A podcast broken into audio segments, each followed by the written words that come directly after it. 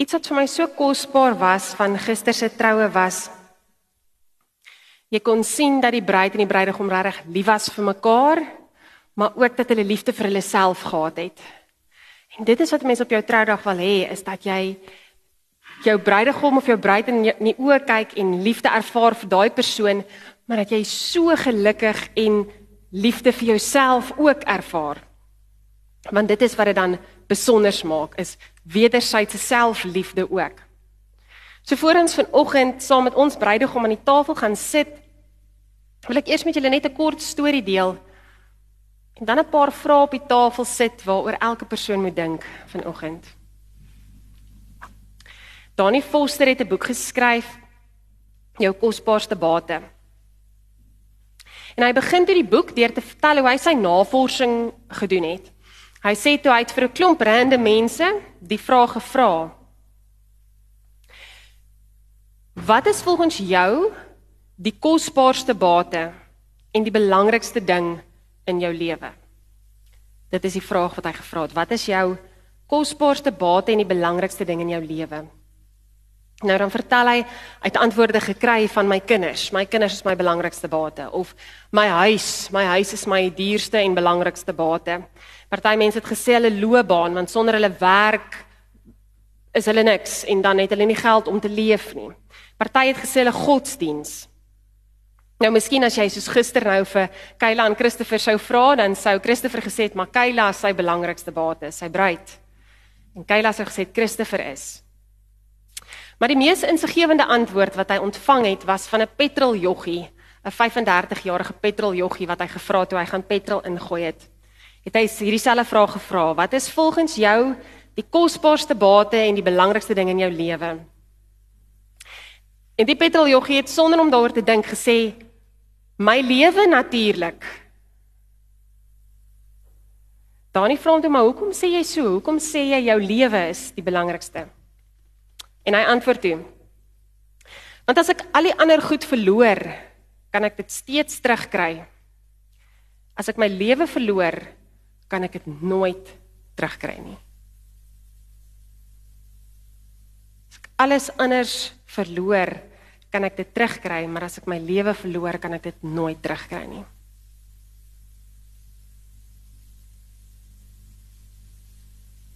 Dalk is dit bietjie vereenvoudig, want ons weet daar's goed wat ons verloor wat ons nooit weer terugkry nie.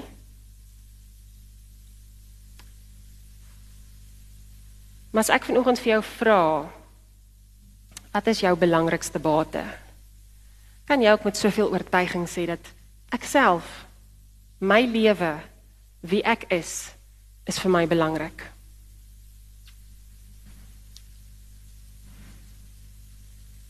As ek vanoggend vir jou vra, hou jy van jouself? As jy vanoggend as 'n bruid aan die tafel by God moet kom sit? Hou jy van jouself? Is jy lief vir jouself?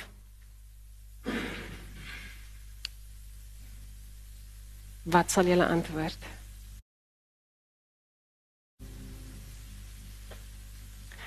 Ongeag wat jy van jouself dink.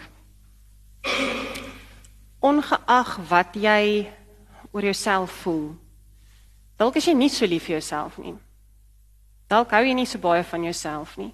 Of dalk doen jy, dalk is jy lief vir jouself, dalk hou jy van jouself.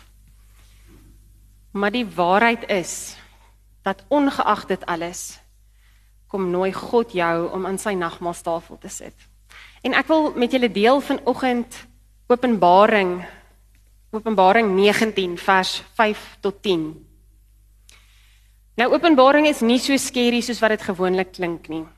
Ja, daar word baie vreemde goed in Openbaring gesê, maar Openbaring is ongelooflik kosbaar.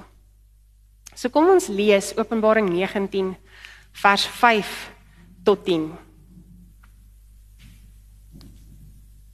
Dit is die bruilof van die lam wat ons hier lees. Toe daar 'n stem van die troon afgekom wat gesê het: Loof ons God, al sy dienaars die wat hom vrees, klein en groot. Ek het toe iets gehoor soos die geluid van 'n groot menigte, soos die gedruis van 'n groot watermassa en soos die gedreun van swaar donderweer. Hulle het uitgeroep: Prys die Here. Die Here ons God, die almagtige heers nou as koning. Laat ons bly wees en juig en aan hom die eer gee. Want die bruilof van die lam het aangebreek en sy bruid het haar daarvoor gereed gemaak. God het haar dit vergun om fyn helder blink klere aan te trek. Hierdie fyn klere is die regverdige dade van die gelowiges. Toe sê die engel vir my: Skryf op: Geseënd is hulle wat na die bruilofsmaal van die lam uitgenooi is. Verder sê hy vir my: Dit is die woorde van God en hulle is waar. Toe ek voor sy voete op my knieë neergeval om hom te aanbid. Pas op, moenie, het hy vir my gesê. Ek is 'n mededienaar van jou en van jou medegelowiges wat aan die getuienis vashou wat Jesus gelewer het. Aanbid God, want dit is Jesus wat die getuienis gelewer het en dit is die Gees wat die profesie gegee het. Net tot sover.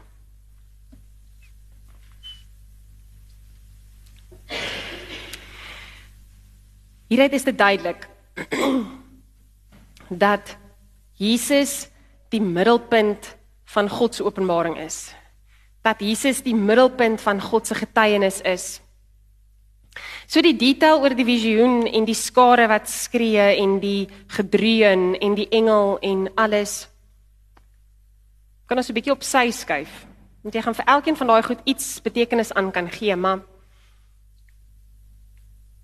Dis nie so seer wat Johannes hier sien wat belangrik is nie, maar wat hy hoor.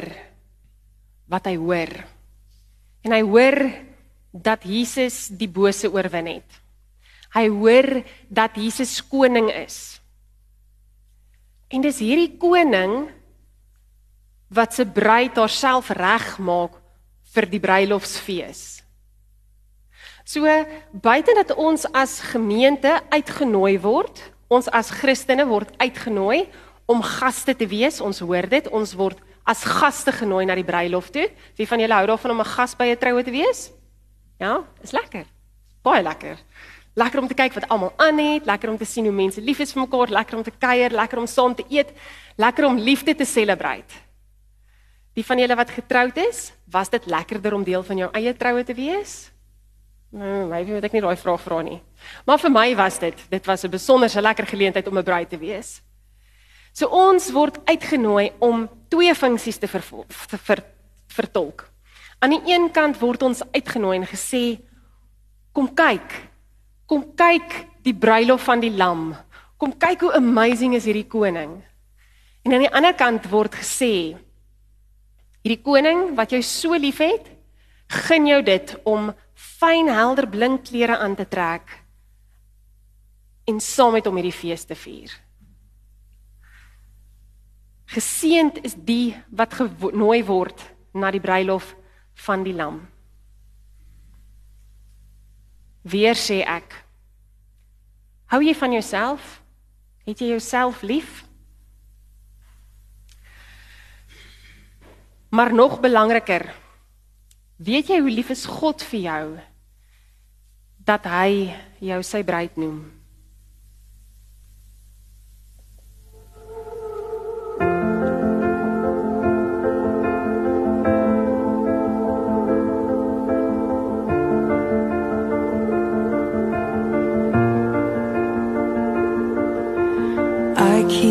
Fighting voices in my mind that say I'm not enough.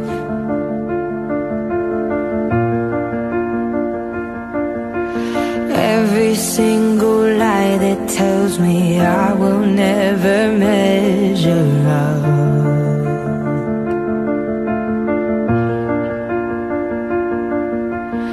Am I more than just the sum of every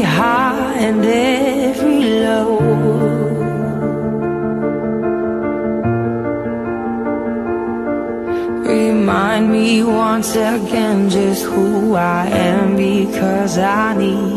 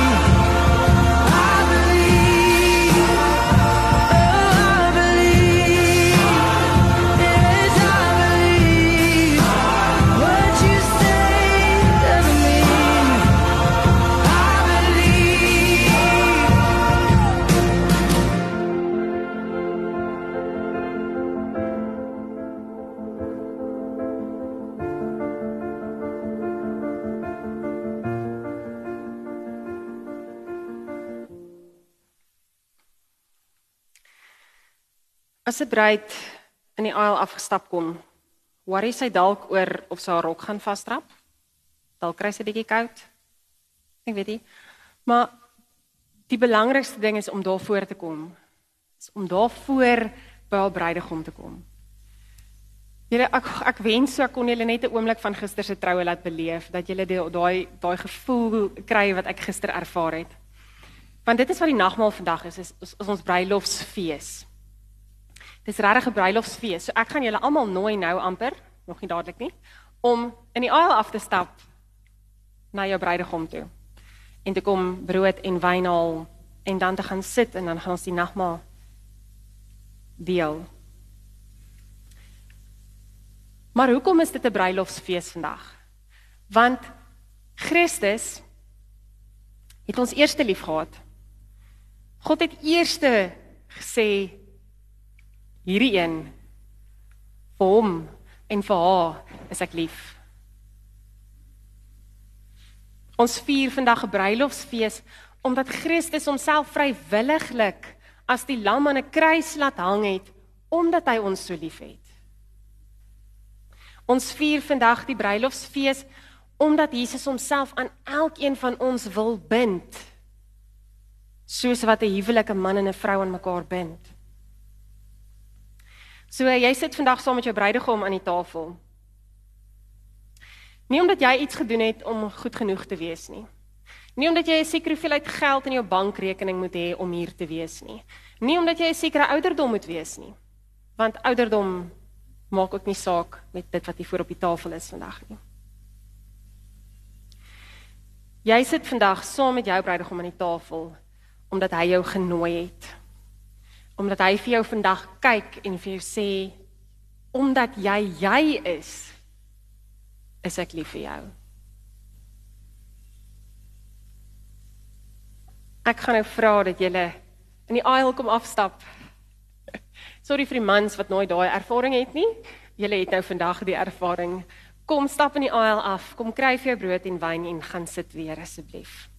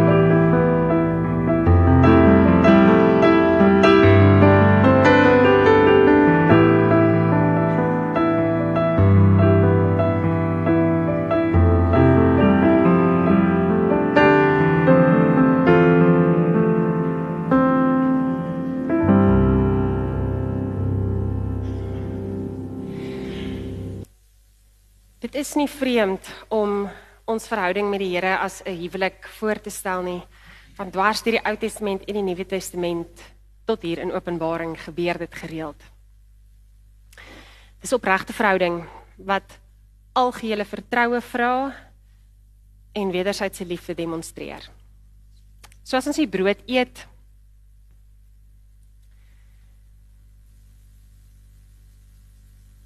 herinner dit ons dat Jesus ons bruidegom is, wat sy liggaam gebreek het omdat hy ons so liefhet. So eet dit met daai met daai wete.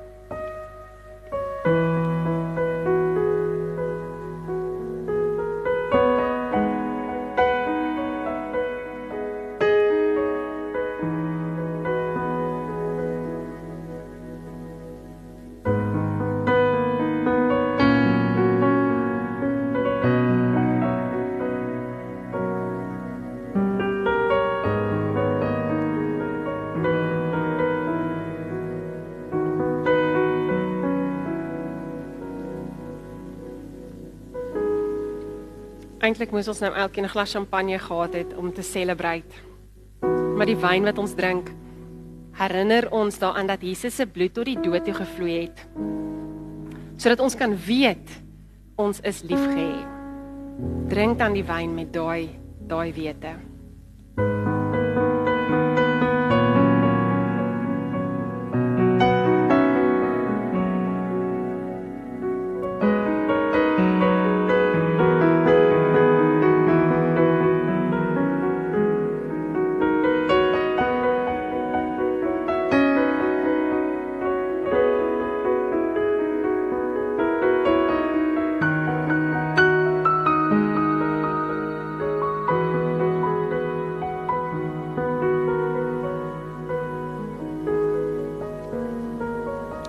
Bid saam.